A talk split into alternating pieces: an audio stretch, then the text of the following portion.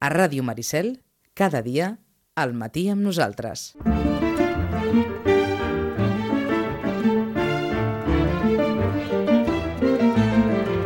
11 i 17.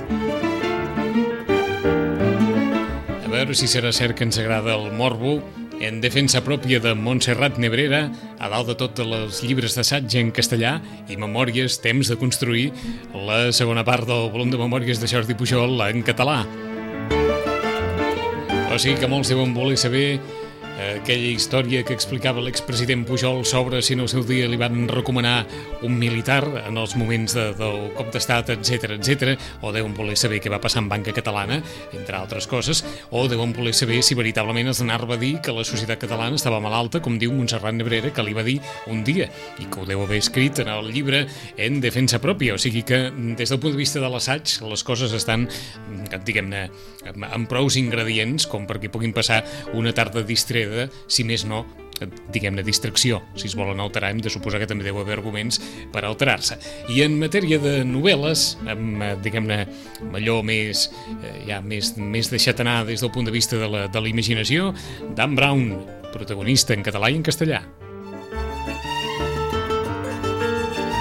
El símbol perdut de Down Brown, a dalt de tot, editat per Empúries i aquest olor de colònia de Sílvia Alcántara que arrosseguem des de Sant Jordi amb molt bona salut, se situa a la segona posició de les llistes de llibres més venuts en català i en tercer lloc, encara que els pugui semblar mentida, hi ha molts seguidors, moltíssims, d'Astèrix i d'Obèlix. O sigui que així estan les coses. Rosana, bon dia i bona hora bon dia. Es veu que sí que ens agrada el morbo, eh? perquè, és clar, Montserrat Nebrera i Jordi Pujol eh, eh, al capdamunt de les llistes, amb, segurament amb molts matisos respecte un autor i l'altra autora, però no deixen de ser llibres que posen el dit a la nafra de situacions viscudes en la vida política eh, diguem-ne, que, que permeten moltes reflexions i sobretot molta, molta conversa i molta tertúlia. Eh? Sí, sí, com a mínim per això estem contents que ens agradi el morbo polític, eh? Vull dir que no sigui un altre. Eh? Ara només falta que surti un llibre sobre el Palau de la Música i Fèlix Millet, mm, eh? no sé que, si sortirà, que no sé si sortirà, però no que si molt sortirà. probablement seria també un llibre d'aquells per sortir, d'alguna manera, eh? Uh, sí, bueno, suposo que, clar, primer hi ha d'haver tota una sèrie d'investigacions i tot això, i suposo que de moment encara encara ho estan aclarint, no? Mm -hmm. eh, tot això, pel que fa referència a la part d'assaig, en la part de novel·la ens comentaves que Dan Brown, òbviament, seria un dels protagonistes i així eh, l'han encapçalat els lectors a la llista de llibres més venuts tant en català com en castellà. Sí, sí, la gent tenia por, eh? Vull dir, sobretot eh, els altres editors deien, vols dir, vols dir, i jo deia, jo diria que sí. És a dir, el Dan Brown eh, és conegut pel Codi da Vinci i bé, a part de tot el màrqueting que hi ha hagut darrere del llibre, però també és una, uns, diguem-ne que novembre no, no és un mes fàcil no? per, per vendre llibres, però sí que és cert que doncs, és un llibre que el, el ve a buscar el lector directament, eh? perquè la gent vol entretenir-se, té la gràcia de que és el mateix personatge que ja coneixen del Codi da Vinci, d'Àngels i Dimonis, també doncs, ha propiciat doncs, no? que s'està fent molta publicitat de la pel·lícula d'Àngels i Dimonis i això també fa que doncs, la gent si vegi més, no? I, i, i l'altre dia ho estàvem discutint amb algú i deia, és que la gent en aquest moment el que vol és distreure's. I com a mínim el llibre ho hem de mhm. reconèixer, mm -hmm. és distret, no? M Molt em temo que en la majoria d'ocasions la gent el que ha volgut és distreure's, no? Sí. O el que volem és distreure'ns quan agafem un llibre, eh? no? Vull dir, mm, reflexió, reflexió, mm, bé, sí que n'hi ha en els llibres d'assaig i tal, però fixa't que, bueno, ens interessa doncs això, no? Uh, més aviat mm, doncs això, el caire mm -hmm. aquest de morbo, de sí. dir, bueno, què, què està passant, no?, amb els polítics, sobretot, Llavors, després hi ha també aquell de la corrupció... Sí. Mm, sí, jo em la, sembla que ens, ens interessa... La breu, història de la, corru la breu història de la corrupció, sí. que està en el número 3, eh?, de, sí. de llibres més venuts en català, d'assaig més venut en, en català. Sí, és això, no? Um, bueno, i també els llibres sobre la crisi, sobre tots plegats, eh? Mm -hmm.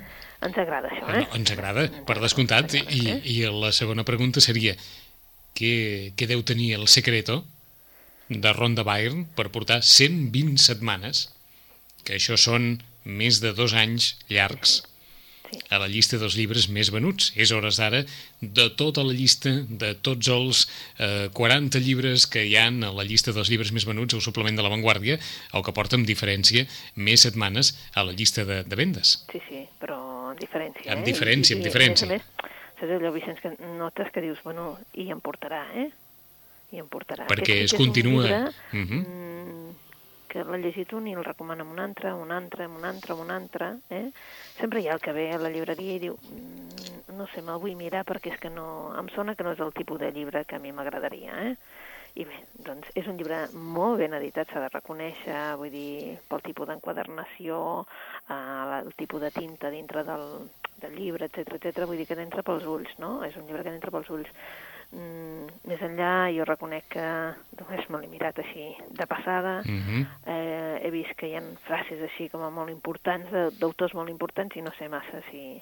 Però vaja, a la gent li agrada molt el llibre, eh? Em El vols dir... recomanen de l'un a l'altre, Què vols dir que acabaràs caient hi, Rosana? Mm, eh? Em temo que no. et temps que no, eh? És que, eh, la veritat, vull dir, suposo que quan tens tanta pila de llibres Sí, per llegir... hi ha- hi ha moltes té tant de gust- prioritats. Gust llegir-los, i, Mhm. i el que et falta és temps, no? I tens allò, aquella sensació de dir, però per què no tinc més temps per llegir quan hi ha tantes coses maques per llegir, no? I la, Mhm. les que em dec deixar, eh? Que no estan a la pila i que, i que desconec, eh? Bé, allò que havia dit Fernán Gómez en el seu dia, l'home que després es va fer popular per un moment malaurat i que va dir que arriba un moment a la vida en què hom s'adona de tot allò que no podrà llegir i no de tot allò que, que podrà llegir, sinó tot el que es deixarà en el tinter, no? Sí, Mm. sí, jo vull dir, em sembla que som molts i els que, que som conscients de que deixarem moltes coses per llegir que ens sap molt de greu, no? I en aquesta llista dels llibres més venuts mm, havíem parlat dels contes russos de Francesc Arés? No, no No. n'havíem parlat. És curiós que el Francesc Sarés, que és un autor que, diguem-ne, que no és eh, així com de distreure's, eh? no és un best-seller. Eh? Eh, més aviat és un autor més complex, és un autor que realment eh, n'hi ha per donar-li premis i premis i premis. Eh? Uh, si us recordeu, l'any 2006 va, li van donar el Premi Nacional de Literatura eh, i el Premi Crític Ser Serrador perquè per un llibre que era molt important, que era La força de la gravetat, eh? la matèria primera després... mm, Bé, n'ha fet bastants eh, de llibres i la veritat és que aquests contes russos potser serien de, els més fàcils de llegir de tota la seva obra. Eh? Um, sí, són llibres de contes, és curiós que estiguin les llistes dels més venuts perquè ja sabeu que els contes costen més, eh? A la gent això del conte li costa molt més, però sí que és un, veritat que, són llibre, eh, que és un llibre de contes com per pensar-s'ho, eh? Um, eh, bueno, surten des de l'Olga Yekneva, um, Avan Seref, el Vitali Kopkin, mm, són uns escriptors mm, desconeguts quasi per tothom, per ell, pel mateix eh, Francesc Sarés també, però eh, l'Anastàcia Maximova diu que li va fer arribar aquests contes i a partir de llavors és una ficció sobre una ficció, no? Mm, eh, bueno, és la història també de Rússia, en aquest cas, no? d'un territori, d'un país que podria ser imaginari. Eh? Um, la història de Rússia del darrer segle i mig és una mica el que seria eh, el, el que ell vol plasmar en aquests contes. Mhm. El que passa que ja us diem que són contes, que són contes doncs, que, que, bé, que travessen aquesta, aquest gran, diguéssim, aquest gran país que seria bueno, aquests grans països, eh? que seria la Rússia que coneixíem abans, i per això eh, són importants. Eh? El que passa que mm, els tenim, eh? Eh, tenim primer un prefaci de l'Anastàcia Maxinova i aquesta antologia que ens ha fet el Francesc Sarés. Cuidado, perquè són contes de- d'aquests autors que dèiem que no coneixíem. Eh? Veig que ho recomanes, però amb molta prevenció, eh? Uh, sí, perquè són, la gent està acostumada primer a llegir novel·les, no? Llavors aquí ja, ja no ja no, no, no Mhm. t'enganyen perquè et diuen contes russos. Sí, sí. Que, eh? I llavors és una antologia molt ben feta. La veritat, la que crec és que, clar... Però et eh, refereixes a que no és una lectura fàcil? eh, si més no, eh, és una lectura diferent. D'acord, Eh? Eh, jo diria diferent. eh? Mhm. El que passa que és una lectura que està molt bé perquè, clar, eh, la veritat, jo me'ls vaig mirar i vaig pensar, déu nhi tot el que ens queda per llegir, eh? Vicenç, perquè és que saps allò que dius, "Mm, no em sonen de res? D'acord. Vull dir, tot el que ens queda per llegir, eh? No, no, és que te, te, et notem una mica sorpresa precisament per, per el fet de eh, haver vist contes russos en la llista dels llibres més venuts. Sí, eh? bueno, llavors llavors, eh, saps, és allò que dius, home, eh, va, aventurem-se, no? Aventurem-se en coses diferents, eh?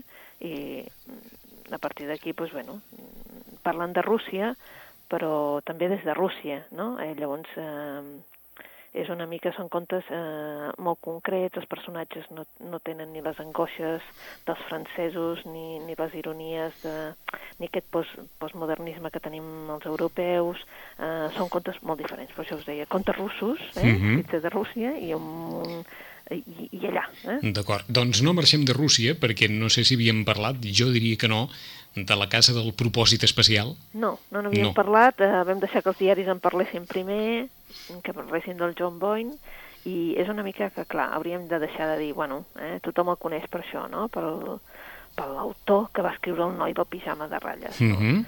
Bé, sí, aquest va ser un dels llibres que he escrit, però si us en recordeu, el, crec que era l'any passat que ens va sortir amb un altre llibre, el Motí de Bounty. Eh? El Motí de la Bounty era un, més un llibre d'aventures, no? Mm. Uh, I ara ens surt amb una història que en definitiva seria una història d'amor situada en un lloc. Eh? En definitiva, podríem di- dir-la com una història d'amor, però també doncs, una història, diguem-ne, mm, d'algú que està en el lloc equivocat en, en aquell moment i li toca el rebre, però que això li suposa també una sèrie de coses. Estem a la Rússia dels anys de l'any 15, eh? I, eh, hi ha un personatge, eh, Georgi, que té 16 anys i que rep una bala que en definitiva no anava destinada a ell, sinó que anava destinada a un membre de la família imperial russa. Eh? A partir d'aquest moment, com que ell l'ha rebuda en comptes de l'altre, doncs bé, la família imperial doncs, es, es creu en deute amb ell eh? I, i es converteix en un heroi. Eh? I en qüestió d'hores resulta que ell, de ser un fill d'un pagès que no tenia res a pelar, diguéssim, Mhm. canvia radicalment, perquè el porten molt temps després, quan ja està curat i tal, el porten cap a Sant Petersburg, eh? i llavors a partir d'aquell moment es converteix en guardaespatlles, perquè en definitiva el que ha fet és guardar-li les espatlles amb algú, no? Uh, bé, es, es converteix en el guardaespatlles del fill del tsar, eh? l'Alexei no? Romanov. Eh? Um, 60 anys molt més tard, no? Uh, està um, en un hospital a Londres, eh? i um, està, com si diguéssim, fent companyia a la seva dona, la Zoya. Eh? Uh, la seva dona està molt malalta i és, llavors això és el que provoca són els records d'aquesta vida que han viscut tots dos i els records que, que ha viscut ell també abans de conèixer-la, no? Uh, clar, són moltes hores, moltes hores d'estar-se al costat d'algú que no, no li pot respondre, però el seu matrimoni, tot i que, que feliç, està marcat per la tragèdia també, eh?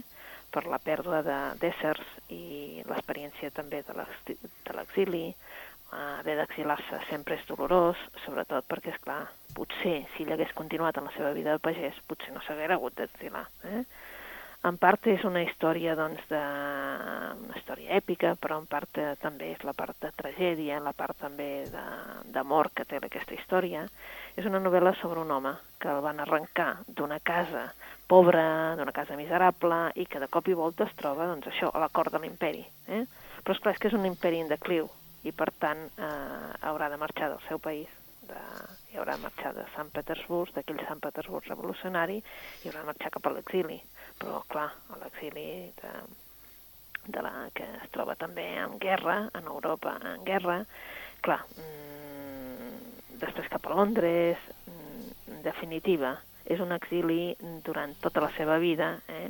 Uh, fins que ara estan a, en un hospital al costat de la, de la seva dona, de la Zoya, i haurà de resoldre tot aquest eh, passat que té aquesta història seva personal i és, clar, amb aquestes hores doncs en té eh, el moment, diguéssim. Mm -hmm.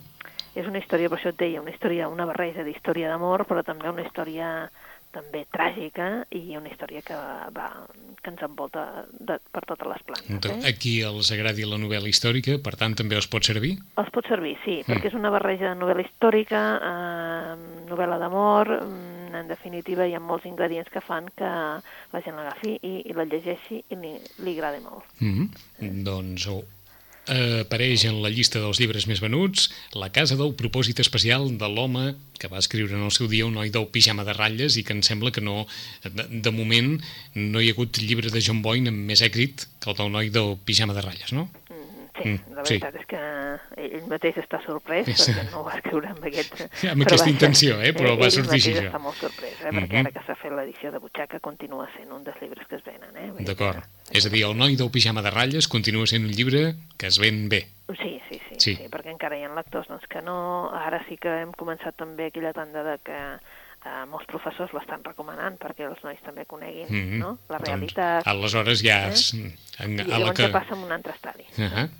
Per tant, un llibre consagrat ja dins les llistes de, de vendes, però en aquest cas La Casa d'Ou, propòsit especial, la història d'aquest home al qual li canvia la vida al convertir-se a partir d'un fet, eh, d'aquesta bala d'haver estat ferit en el guardaespatlles del fill del tsar Nicolau II i que d'alguna forma la vida personal d'aquest guardaespatlles quan ha d'exilar-se de Rússia es troba en l'Europa del conflicte bèl·lic i després totes les circumstàncies particulars. La Casa d'Ou, propòsit especial. I ara sí, les recomanacions que ens porta la Rosana per aquesta setmana.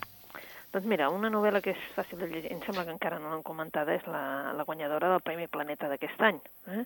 que de moment no surt a les llistes de, del, dels més venuts, però em sembla, eh? però sí que sortirà. Sortirà perquè, primer perquè l'autora és coneguda, l'Àngel Escaso, ella és Mhm. una autora doncs, coneguda, i segona perquè és una novel·la fàcil de llegir. Eh? Eh, Una novel·la, això sí que ho hem de reconèixer, més aviat dedicada a les dones. Eh? Perquè el protagonista és un... La protagonista, diguéssim, és una dona mm, i tot el que l'envolta normalment són dones. Els homes surten bastant mal parats, eh? perquè no s'han portat massa bé, diguéssim, D'acord. dintre de... Només n'hi ha un, És potser, que, que, eh, si, que no, realment es porta bé. si no recordo malament, em sembla que va ser el dominical de l'avantguàrdia de fa unes dues setmanes o una cosa així, retratava la vida precisament de- d'aquesta dona, dona, en, la, sí. en la qual Àngel Escaso ha inspirat precisament la, la novel·la. La sí, novel·la. la Zao, eh? Mm? La Zao que, que deia que, doncs, que ara viu eh? a Lisboa. Ah, eh? això mateix. Sí, sí, sí. Eh? Sí, precisament, vull dir, saps Mhm. allò que dius, bueno, està bé, vull dir, ja, ja, també ens ho deia ella, cuidado, que això és una novel·la, Mhm. per tant hi ha coses que seran veritat, hi ha moltes coses, Coses- que són inventades, és evident, eh? És la Està clar. No? Uh, nom de la novel·la? La de la novel·la és Contra el viento. Mhm. eh? Llavors a la portada ja es veu una nena, una nena doncs, eh, amb les mans així, doncs, com, una, diguéssim, com si donés, volgués donar voltes i el vent que, que li deu venir de cara. Eh? Um, bé, doncs uh, la novel·la no comença parlant de la Zau, precisament. Comença parlant d'un altre personatge, que després veurem qui és, eh? I comença parlant d'una noia, diguéssim, que creix en un ambient en el que la mare, diguéssim, sempre està trista. Més aviat se n'ocupa molt d'ella i dels seus germans, diguéssim, però tenen un pare, un pare que va venir de Mèxic, que va venir amb diners, que va arribar a un poble petitet, a un poble que la gent doncs, no en tenia gaires de diners, i s'enamora d'una noia molt jove, de només 17, 16 anys. Eh? Um, ella li diu que sí, quan li diu per casar-se, li diu que sí, tampoc no estava enamorada, però tampoc no sabia més si, si voldria estar enamorada d'algú, no? Una mica pues, dir, per sortir-se'n de tot, doncs, com que hi ha algú que li fa gas, doncs se'n va d'aquell poble, perquè el primer que fa ell és emportar-se-la del poble, emportar-se-la del costat de la mare, no? I amb aquesta mare no, no hi podrà tenir gai- gaire contacte, només ella hi anirà cada vegada que quedi embarassada no? i que tingui la criatura i la mare, el primer que veu ja des de la primera eh, nena que, la criatura que té, Mhm. és que, perquè és un nen el primer, és que té el mal dels nens, que diu ella, eh? és a dir, que té un, com una depressió postpart. Bé, en tindrà cinc de fills, eh? Una d'elles, la, la noia, és la que veu com s'ho pateix la mare, perquè el pare realment mai els hi va donar un petó a les criatures, això sí, mai els va pagar físicament, com aquell qui diu, però sí que hi havia una violència verbal, una Mhm. violència que, els, eh, que cada dia estaven totalment, saps allò, eh, esfereïts quan veien el pare, perquè cada dia li tocava un i se la carregava per alguna cosa i l'enviaven cap a un, una habitació d'aquelles, com si deien, el, el quarto de les rates que dèiem abans, no? Mhm. Però era una habitació d'armaris, una habitació sense llum, i fins que la mare no l'anava a rescatar, doncs la criatura es quedava allà. Això imprimeix doncs, un caràcter que ells ja sabien que no s'estimarien mai al pare, no se'l van estimar mai. Però aquest és un dels personatges i de cop i volta ens apareix un altre paisatge, ens apareix eh, precisament Cabo Verde i a Cabo Verde és on te trobem a la Sao, precisament. No? La Sao que neix d'una mare molt jove, una mare que ja tingut una criatura, una criatura que se li ha mort al cap de dos anys o tres anys representa, i que per tant és una criatura amb poc futur, perquè la mare ja no té la dedicació que voldria tenir ha vingut d'una violació, aquesta criatura, i per tant ja no, mm, no és que no se l'estimi, és que simplement tota l'alegria que havia tingut amb el primer fill no la té ara. Mm -hmm. No té marit, no té res, i quan li ofereixen la possibilitat, un home li, li ofereix la possibilitat d'emportar-se-la molt lluny d'allà, no dubta a deixar a la SAO amb una senyora gran que la cuida perquè li enviarà diners des de, diguem-ne, d'Europa, de, no? La Sau creix. La Sau és una nena molt desperta, és una nena amb possibilitats, hi ha una mestra que la vol, voldrà que, que ella tingui tot el que no ha pogut tenir ella com a mestra perquè ha decidit de, dedicar-se als nens en comptes de, de tindre una vida molt més fàcil, però la Sau no el tindrà gens fàcil, perquè evidentment arriba un moment que s'acaben els diners i s'acaba tot. I la Sau s'ha de buscar la vida, eh? s'ha de buscar la vida, entra eh, de, de molt joveneta, entra ja eh, a les labors domèstiques d'una família i d'aquí passarà amb el seu somni. El seu somni és Europa, de fet. El seu somni és mm, en aquells països, on, sobretot Itàlia, perquè ella vol anar a Europa, perquè sap que allà doncs, tot és molt més fàcil, um, la gent, la, les nenes tenen nines, uh, poden tenir tota una sèrie de coses, tenen sabates, tenen més d'unes sabates, més d'una muda, mm -hmm. més de tot. Eh? I la Sau ha nascut per treballar, com totes, però voldria una de millor Europa. Eh? Um, a partir d'aquí arribarà a Europa, sí, però arribarà a casa d'una senyora que l'ajudarà moltíssim. Eh? És la història precisament de, de l'amistat entre dues dones, eh? dues dones que, que viuen això, en mons molt contraris, molt diferents, però que en realitat pues, és una novel·la, com es deien, de sensibilitat. Mm? Mm. Es llegeix molt, molt ràpid, eh? i bueno, és una història que realment saps que t'arriba al cor. Mm. Una història de planeta. Sí, una història sí? de planeta, eh? D'això. T'ho pregunto ja, perquè quan eh? has dit la, la novel·la que es llegeix molt ràpid, etc etc. Sí, una història de planeta, eh? Diguem-ne una novel·la vegada... de, mm -hmm, de sí. concurs, eh? Sí, i aquesta de... vegada també ja us ho dic que, que fa, doncs això, no? Pica l'ull a, la, a les dones. Eh? D'acord. Eh? D'Àngel Escaso, Contra el viento, la novel·la guanyadora del Premi Planeta 2009, que ve de la mà de la que va ser finalista fa, si no recordo malament, més d'una dotzena d'anys, del, del Premi Planeta en el, en el seu dia, la periodista Àngel Caso. Per on seguim, Rosana? Doncs, bueno, una que també ja se n'ha parlat abans de que surti l'obra i que, com que és d'aquí, el Màrius Carol. Mm. El Màrius Carol eh, ens publica el Premi Prudència Bertrana, que és l'home dels pijames de seda. Clar, la portada ja és atraient, no? Una noia amb banyador, tipus anys 60, diguem-ne, no? Uh, un personatge que sembla el Truman Capote, eh? Uh, assegut en una taula davant d'una tassa de cafè, una altra noia en biquini i, bé, una veïa. Una veïa que evidentment és la de Palamós. Eh? El subtítol ja ho diu molt clar, Tres estius de Truman Capote a Palamós. Eh? I l'home dels pijames de seda, doncs, bueno, ens parla de Palamós, de l'estiu del 62, i el Truman Capote, que, bé, mmm, diuen que acabava de comprar dues ampolles de ginebra, una de vermut sec i unes olives, en una pastisseria del carrer Major, quan va descobrir en un diari de la llibreria del davant eh, que la seva gran amiga Marilyn Monroe havia, acabava de morir d'una sobredosi, eh? una sobredosi de somífers. Eh? Bé, doncs així sembla que comença la novel·la en el que el que fa l'autor és recrear els, els estius, eh? un estiu una mica llarg, perquè anava d'abril a octubre, uh -huh. que el Capote va passar a la Costa Brava, eh?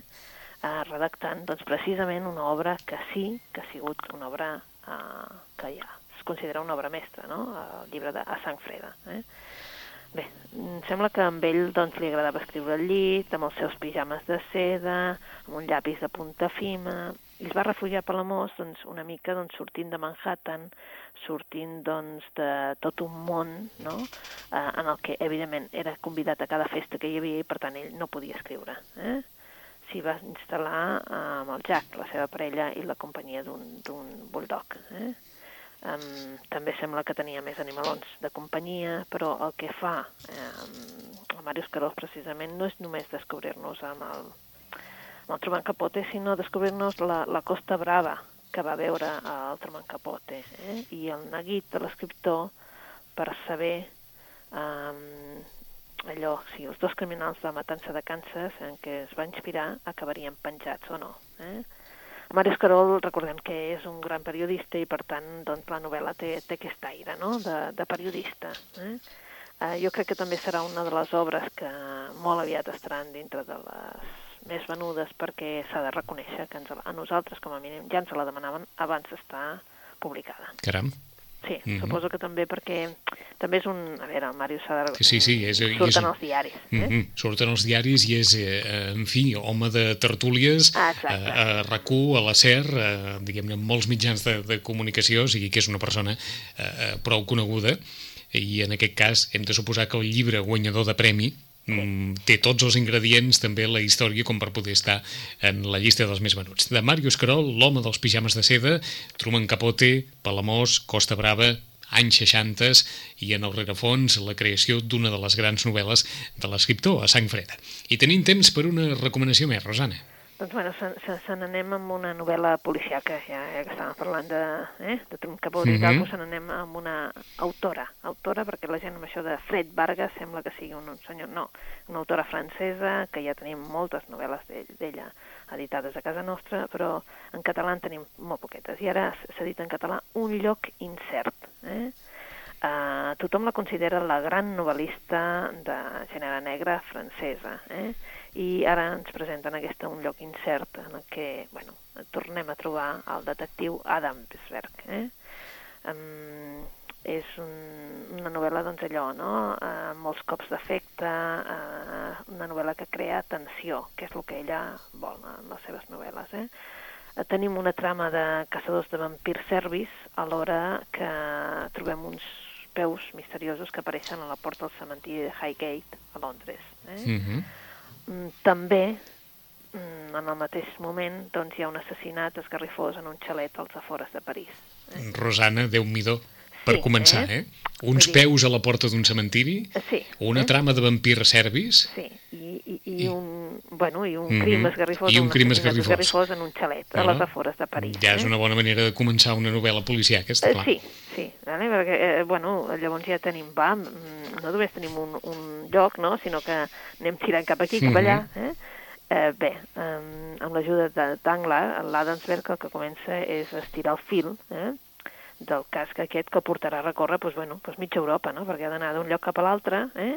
Eh, també en aquest cas, clar, com que hi ha aquests vampirs i tal, doncs eh, s'ha de costar una mica els fenòmens paranormals, eh? i bueno, eh, fins i tot allò al final, doncs les coses que hasta quasi, quasi com aquell que diu les personalment. Eh? Um, una de les frases es diu els anglesos tenen en algun lloc nou cadàvers sense peus i no ho saben. Eh? Clar, això provoca que, eh, que tu continuïs dient, alça, vull dir, no, ja no hi pot passar res més, no? Bé, doncs eh, sí, un lloc incert és també aquesta novel·la que ens mantindrà despersos, això ja us ho dic, eh? Cuidado els que els agafem a les nits, els que mm -hmm. llegim a la nit, perquè és una, una novel·la que ens manté molt despert, eh? Els que no hagin provat a la, diguéssim, que no l'hagin tastat a la Fred Vargas, nosaltres els recomanem. En català encara no la tenim en butxaca, però en castellà sí que hi ha molts títols anteriors que estan en butxaca i que valen la pena, eh? ara que ha, doncs, eh?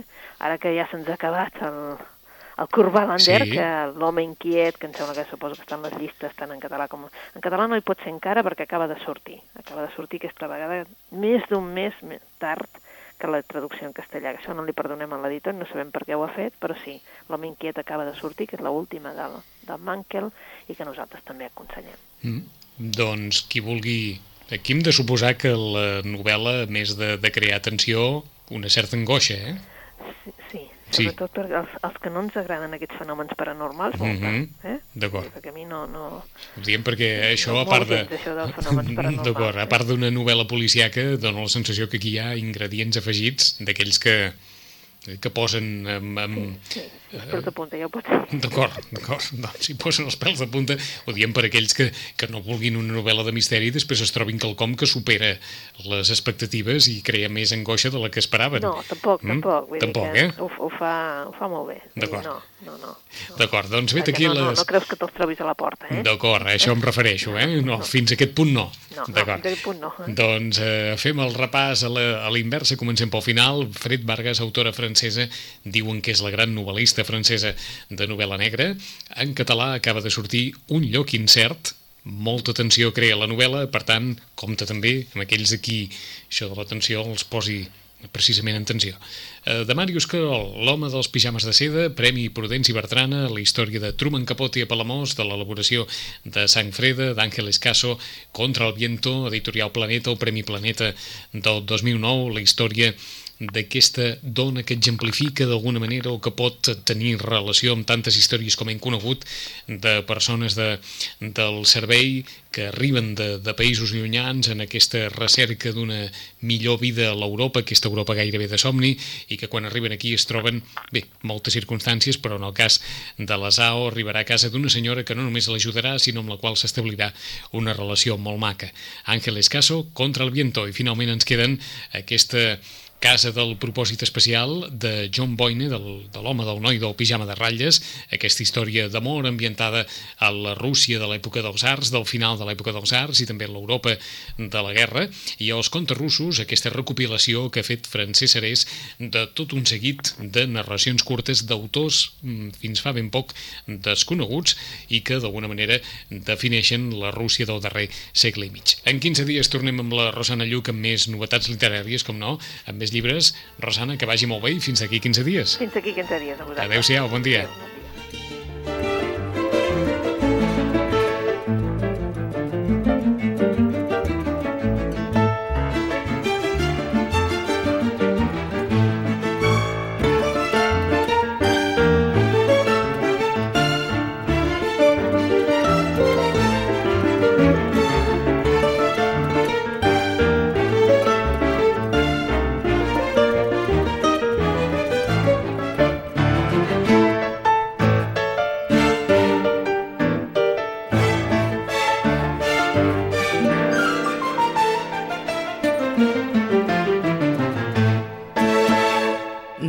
Maricel, 107.8 FM.